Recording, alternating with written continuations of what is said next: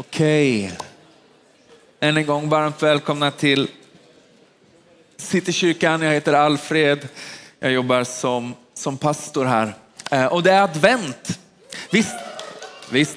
Visste ni att advent och eh, jul inte är liksom samma högtid? Advent är en högtid, julen är en annan högtid. Och om man ska vara lite ortodox så är det därför vi väntar lite med att plocka fram liksom julpyntet. För det är inte julen, det är advent. Så adventsstjärnan tar vi nu, julgranen tar vi sen. Eh, och det här säger jag framför allt för att liksom vinna en strid i min egen familj. Eh, ja, men du lever med samma spänning Elias, du vet hur det är. Ja. Så är det, jag är gift med Helen. Helen kommer från England och i England så ska man ha fram allt så bedrövligt tidigt. Men jag tycker man kan suga lite på karamellen. Ah. Men advent är, är en speciell tid. Det är, det är tiden då vi som Guds folk påminns om att vi lever i ett spänningsfält. Å ena sidan så står vi som, som, som individer, som folk och som kyrka stadigt i det som har hänt. I förlåtelsen, friheten och nåden som korset ger. Hoppet och livet som uppståndelsen ger. Oavsett om jag har min bästa dag idag eller min värsta dag så håller nåden. Eller hur? Advent bjuder in oss i åminnelsens trygga rytm att gång på gång låta året och livet kretsa kring Jesu födelse, Jesu liv, Jesu död och Jesu uppståndelse. Det är liksom det som, som kyrkoåret hjälper oss med. Så å ena sidan så är advent en säsong av att minnas det som har varit. Men å andra sidan så lever vi som kyrka i väntan på att Jesus kommer tillbaka. För att än en gång och en gång för alla göra slut på ondskan. För att byta sorgens tårar mot glädjetårar, för att ge liv åt döda och död åt döden. Att vara troende är att leva i salig väntan. Hoppfylld förväntan, trotsig förtröstan. Jesus kommer snart. Så vi lever i spänningsfältet mellan att Jesus kom och Jesus kommer mellan barnet som föds och kungen som kommer åter i härlighet. Vi minns han som kom och vi väntar på han som kommer. Så här lyder evangelietexten för den här söndagen. Matteus evangelium kapitel 21 från vers 1 till 10. När de närmade sig Jerusalem och kom till Betfage vid Olivberget sände Jesus iväg två lärjungar och sa till dem, gå in i byn där framför er. Där ska ni genast finnas, finna en åsna som står bunden med ett föl bredvid sig. Ta loss dem och led dem till mig. Och om någon säger till er ska ni svara, Herren behöver dem. Och han ska strax skicka iväg dem. Detta hände för att det som var sagt genom profeten skulle uppfyllas. Säg till dotter Sion, se din konung kommer till dig ödmjuk och ridande på en åsna, på en arbetsåsnas föl. Lärjungarna gav sig iväg och gjorde som Jesus hade befallt dem. De hämtade åsnan och fölet och la ut sina mantlar på dem och han satt upp den stora folkmassan bredde ut sina mantlar på vägen. Andra skar kvistar från träden och strödde på vägen. Och folket, båda de som gick före honom och de som följde efter ropade Hosianna, Davids son. Välsignade han som kommer i Herrens namn. Hosianna i höjden. När han drog in i Jerusalem kom hela staden i rörelse och man frågade, vem är han? Folket svarade, det är profeten Jesus från Nasaret i Galileen. Så, så, under ett par års tid, närmare bestämt under de tre sista åren av liksom sitt liv så har Jesus rört sig runt om i Israel och Juda. Han har tagits emot som, som en lärare, som en profet, ibland som en provokatör, en mirakelgörare. Och när Jesus rider in i Jerusalem så är det ett av de där tillfällena när, när Jesus liksom gör ett stort hopp framåt i berättelsen om vem han är. När Jesus skickar lärjungarna i förväg för att hämta, ås, hämta åsnefölet så är det med liksom den största medvetenhet som han gör det och han gör också anspråk på att vara den som folket väntar på. Jesus knyter sig själv till Messias profetian i Sakarja 9 och där och då är det som att Jesus liksom ställer allting på sin spets. Fröjda dig stort dotter Sion. Jubla dotter Jerusalem. Se din kung kommer till dig, rättfärdig och segerrik är han. Han kommer ödmjuk ridande på en åsna. Jesus är kung. I total kontrast med juldagens lindade barn så möter vi idag Kristus, konungen. En kung, ni vet, kan få sin position på två sätt. Det ena är genom makt och våld, att man, att man strider mot ett annat rike eller att man utövar en sån tyranni att andra väljer och säger att ja, men det är väl bäst att du är kung då så att vi får leva. Det är liksom det ena sättet att bli kung på. Det andra sättet att bli kung på det är att man föds som son till en kung, eller hur? Att man föds in i kunglighet. Det är ingen liksom djup teologisk grej, jag bara informerar er om hur det funkar. Så om du tänker att det vore gött att söka jobbet som kung efter att kungen slutar vara kung, så funkar inte det, eller hur? För du är inte kungens barn i den bemärkelsen. Och när Jesus rider in på en åsna så berättar han att han är den, det senare av de två alternativen. Man kan tycka liksom att att, att han väljer en åsna, nej, men det är väl det lite så här gentila valet, att han inte väljer att leta upp det största han kan hitta, utan han nöjer sig med en åsna. Men i liksom samtidens förståelse så är det så att en häst rider man ut på i strid. En häst rider man ut på för att inta och för att utvidga, men åsnan rider en kung in på i sitt eget land och i sitt eget territorium.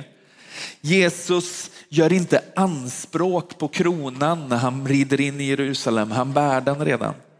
Jesus blir inte kung när han rider in i Jerusalem. Han är evig konung, men han avslöjar sin identitet för folket. Så när Jesus rider in på en åsna så säger han, det här är vem jag alltid har varit. Det är bara det att ni får reda på det nu. Och att Jesus är kung spelar roll för oss. Jesus som kung är inte tillfreds med de gränser som hans rike har. Så här står det i Matteus kapitel 16 och från vers 13. När Jesus kom till trakten av Caesarea Filippi frågade han sina lärjungar, vem säger människorna att människosonen är? De svarade, vissa säger Johannes döparen, andra Elia och andra Jeremia eller någon av profeterna. Han sa till dem, och ni, vem säger ni att jag är? Simon Petrus svarade, du är Messias, den levande Gudens son. Jesus sa till honom, salig är du Simon, Jonas son, för det är inte kött och blod som har uppenbarat dig för dig, utan min far i himlen. Och jag säger dig, du är Petrus och på denna klippa ska jag bygga min församling och helvetets portar ska inte få makt över dem. Jesus som kung är inte en kung på flykt. Han är inte en kung som ängsligt vakar över sitt lands gränser. Han är inte en kung som utövar diplomati och kompromiss med sina fiender. Kung Jesus strider mot varje helvete, varje djävul, varje mörker och varje ondska. Inför honom bävar helvetet och dess portar kan inte stå emot honom. Men Jesus strider inte som en mänsklig kung. Han strider inte med härar, han strider inte med vapen och soldater, han strider på ett kors. Han segrar med en tom grav. Johannes uttrycker det så här. Johannes evangelium kapitel 1. I begynnelsen var ordet och ordet var hos Gud och ordet var Gud. Han var i begynnelsen hos Gud. Allt blev till genom honom och utan honom blev ingenting till av det som är till. Och i honom var liv. Och livet var människornas ljus. Och ljuset lyser i mörkret. Mörkret har inte övervunnit det. Så när kung Jesus strider för dig och mig så gör han det genom att kliva in i ditt och mitt mörker och så låter han sitt ljus skina. Han ser inte ner från himlen och tänker fina tankar och skickar styrkekramar. Eller hur? Det är så vi gör på Facebook. Du vet när någon säger att det är lite jobbigt. Så här, jag har det jobbigt. Och så skriver vi styrkekram. Jag har aldrig riktigt förstått vad det är. Ett märkligt beteende. Alltså.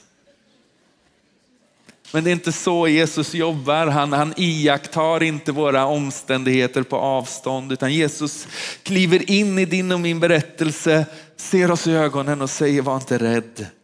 Han har lovat att varken lämna dig eller överge dig. För Jesus är en kung som strider. Han är inte nöjd med sitt rikets gränser och därför så bävar helvetet för Guds rike går fram med kraft. När kungen kommer så trängs ett annat rike undan. Jesus är en kung som samlar. Som folk definieras vi inte av gemensamma traditioner, av uttryck eller kultur. Ni vet att första advent är liksom alla, jag är ansvarig för, för sången och musiken i församlingen.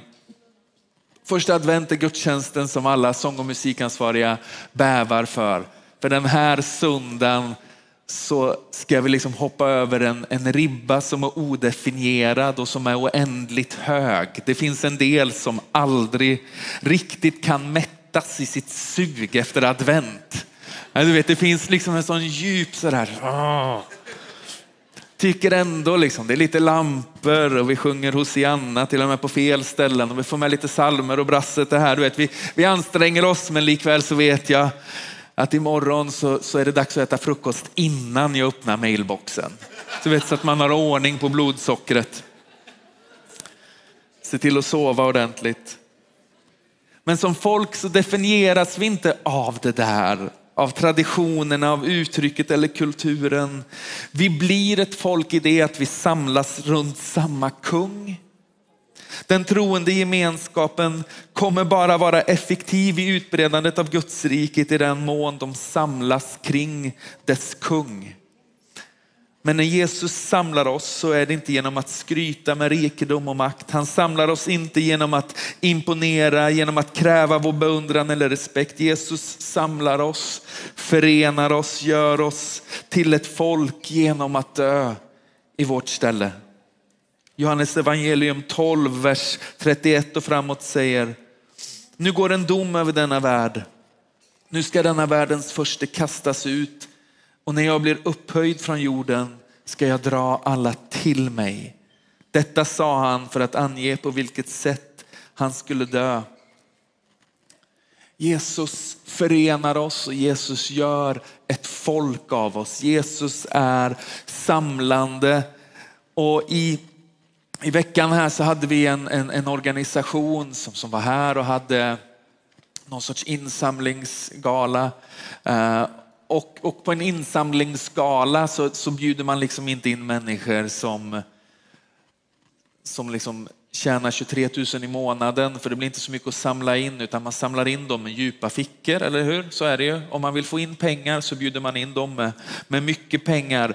Och väldigt mycket i våran samtid funkar sådär liksom att man, man omger sig med dem med inflytande, man omger sig med dem som, är, eh, som har resurserna, med dem som har de djupa fickorna. Men, men när Jesus gör sin inbjudningslista så är det inte en gästlista där meriter och bedrifter, släkttavla, stamtavla och rikedom är det som kvalificerar, utan när kung Jesus drar människor till sig så ser det annorlunda ut.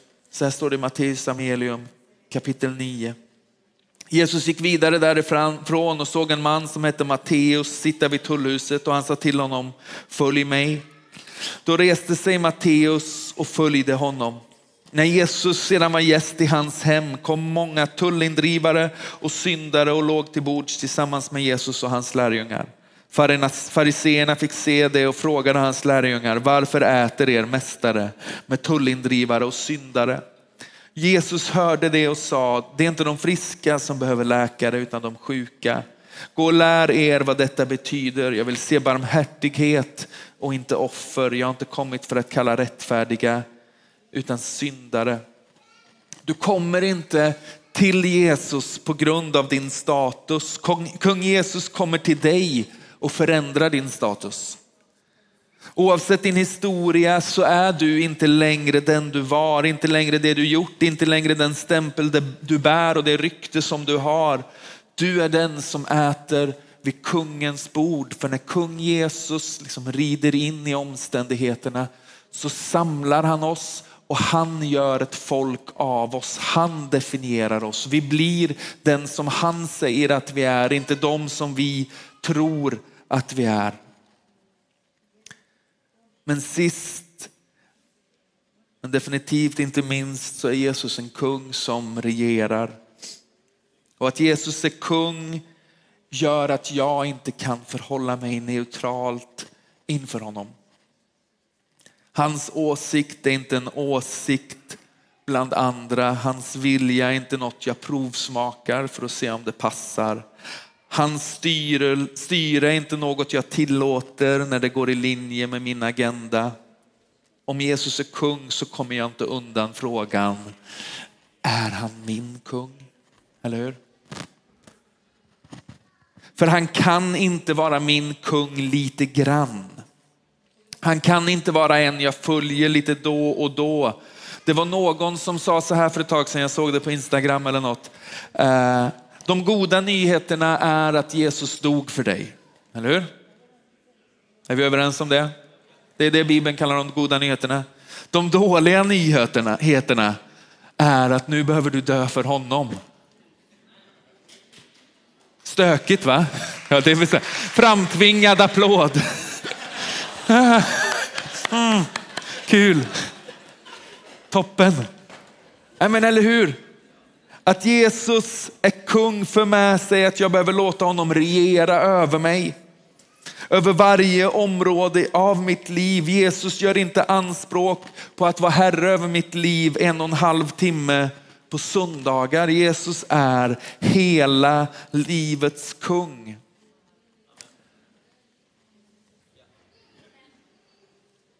Jesus är kung och det behöver jag förhålla mig till. Han gör anspråk på mitt liv för en kung är inte någon jag förhåller mig neutralt inför. Antingen är det min kung eller någon annans kung. Det kan inte vara lite min kung. Jag kan inte dela kungar. Jag kan inte ha ett gäng kungar. En kung. Men Jesus begär inte av oss något som han själv först inte gjort. Ingen har visat större ödmjukhet än Jesus. Filipperbrevet säger så här i kapitel 2. Han var till i Guds gestalt men räknade inte jämlikhet, jämlikheten med Gud som segerbyte. Utan utgav sig själv och tog en tjänares gestalt och blev människan lik. När han till det yttre hade blivit som en människa ödmjukade han sig och blev lydig ända till döden, döden på korset. Därför har Gud också upphöjt honom över allting och gett honom namnet över alla namn. För att i Jesu namn alla knän ska böjas i himlen och på jorden och under jorden och alla tungor bekänna att Jesus Kristus är Herren, Gud Fadern till ära. När Jesus rider in i, Jerusalem så så rider han in som en, som en kung som, som strider för dig och mig.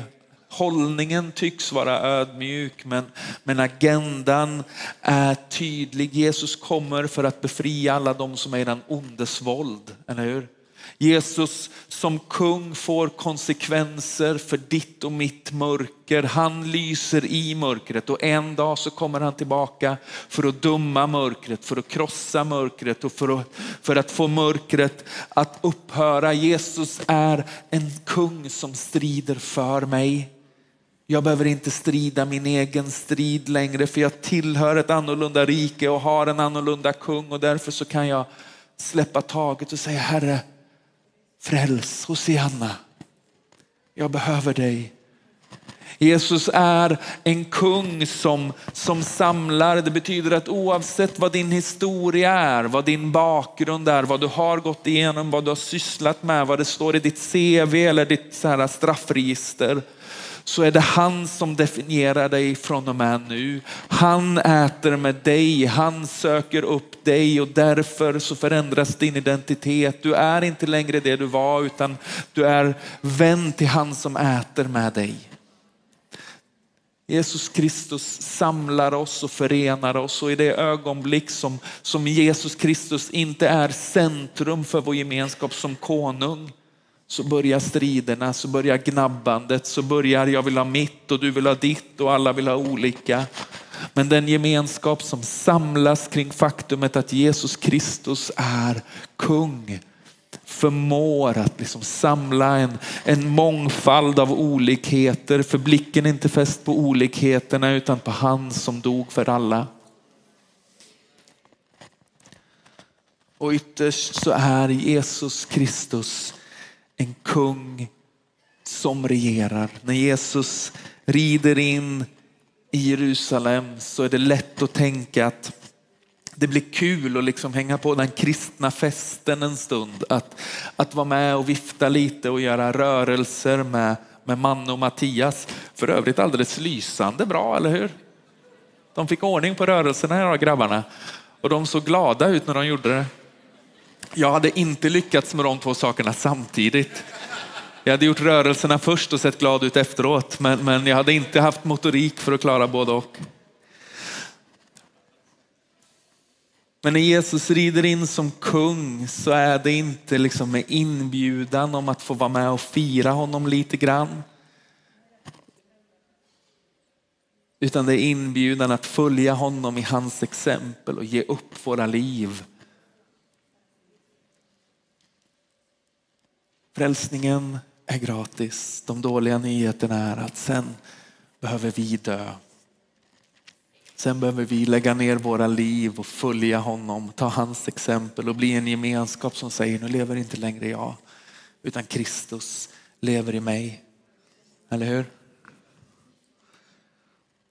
Så när Jesus kliver in i berättelsen och säger jag är kung så gör han inte festen lite festligare bara. Det blir inte bara lite mer liksom stjärnglans. Det känns kul att det kommer en kändis på kalaset. Det är inte den grejen. Utan när Jesus kliver in som kung i berättelsen så gör det någonting djupt med oss som gemenskap. Det gör oss till ett folk. Det gör något djupt med våran identitet. Jag är kungens vän. Men framförallt så gör det någonting med hur jag lever mitt liv, de beslut jag fattar och på det sätt som jag följer jag är inte kung längre.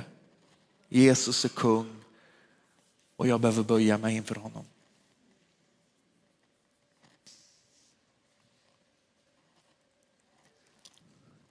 Så jag tänker idag i all enkelhet att det finns en del här som, som har behov av att få, få möta Kristus konungen, han som strider för oss, som går igenom saker och ting just nu. Där man känner att Jesus, jag behöver verkligen, verkligen, verkligen att ditt ljus lyser i mitt mörker just nu. Att du kliver in liksom, mot de portar som belägrar mitt liv och, och invaderar dem med ditt hopp. Jag tror att Jesus vill, vill möta dig idag. Jag tror att det finns en del som har levt väldigt länge med känslan av att vara utanför. Utanför samhället, utanför gemenskapen som kanske inte lyckas ha tagit sig in i, i den här gemenskapen som saknar vänner eller som bär stämpeln i sin panna av den man en gång var. Jag tror att Jesus vill dra dig in i gemenskap med dig men också in i gemenskap med sin församling idag. Men jag tror den stora inbjudan den här söndag förmiddagen är till dig som har levt ganska länge med Jesus som din frälsare. Men som inte låtit honom bli din kung än. Att på något sätt få böja knä inför honom i ditt hjärta, i ditt liv säga okej okay, Jesus, nu har jag det inte längre som ett tillägg och som ett komplement, som en, som en trevlig vana liksom i livet som jag lever, som, som någon jag plockar fram ibland, utan som någon som jag väljer att följa med allt jag är och som allt jag har. Jag tror det finns en inbjudan idag att böja sig inför kung Jesus. Som inte är en frälsningsinbjudan. Jorge kommer säkert göra en frälsningsinbjudan sen, men som är en inbjudan för dig som har varit med ett tag, till mig som har varit med ett tag. Att liksom ställa sig frågan, lever jag verkligen mitt liv på ett sådant sätt att det är tydligt att det är Jesus som är kung? Eller är Jesus ett tillägg bland alla andra val som jag har och alla andra grejer som jag liksom har, har snickrat ihop. Jesus är kung och det får konsekvenser för oss. Ska vi be tillsammans?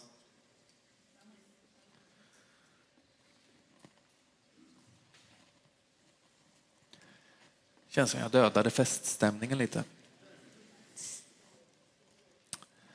En av mina styrkor. Ska vi be? Jesus, vi tackar dig för att du är helt olik oss. För att du är väldig kung.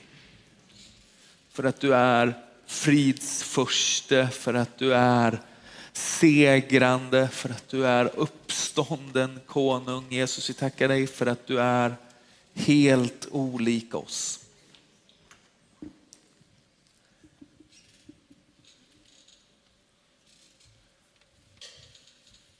Och Jesus, den här, den här söndagen så, så en gång till och igen så bjuder vi in dig i vår gemenskap. Vi, vi ropar vårt Hosianna som kan vara Hosianna att Herre hjälp mig i mina omständigheter och hjälp mig i min situation, i det som jag går igenom som är så bedrövligt svårt just nu. Eller hjälp mig att gå från den jag var till den som du säger att jag är. Hjälp mig att, att inte identifiera mig eller leva fånge av det som har varit utan kliva in i det som som du har för mig. Herre kom och, och ät med mig mitt i berättelsen om vem jag har varit. Dra mig till dig. Gör mig till din vän. Och så ber jag Herre, för mig och för alla som, som vill Herre, ge oss mod att en gång till och igen böja oss inför dig. Att med, med glädje och viss bävan abdikera inför dig, lägga ner våran krona vid dina fötter och säga Jesus det är du som är kung. Du och bara du. Du och endast du, du och ingen annan. Jesus plus ingenting är konung i mitt liv.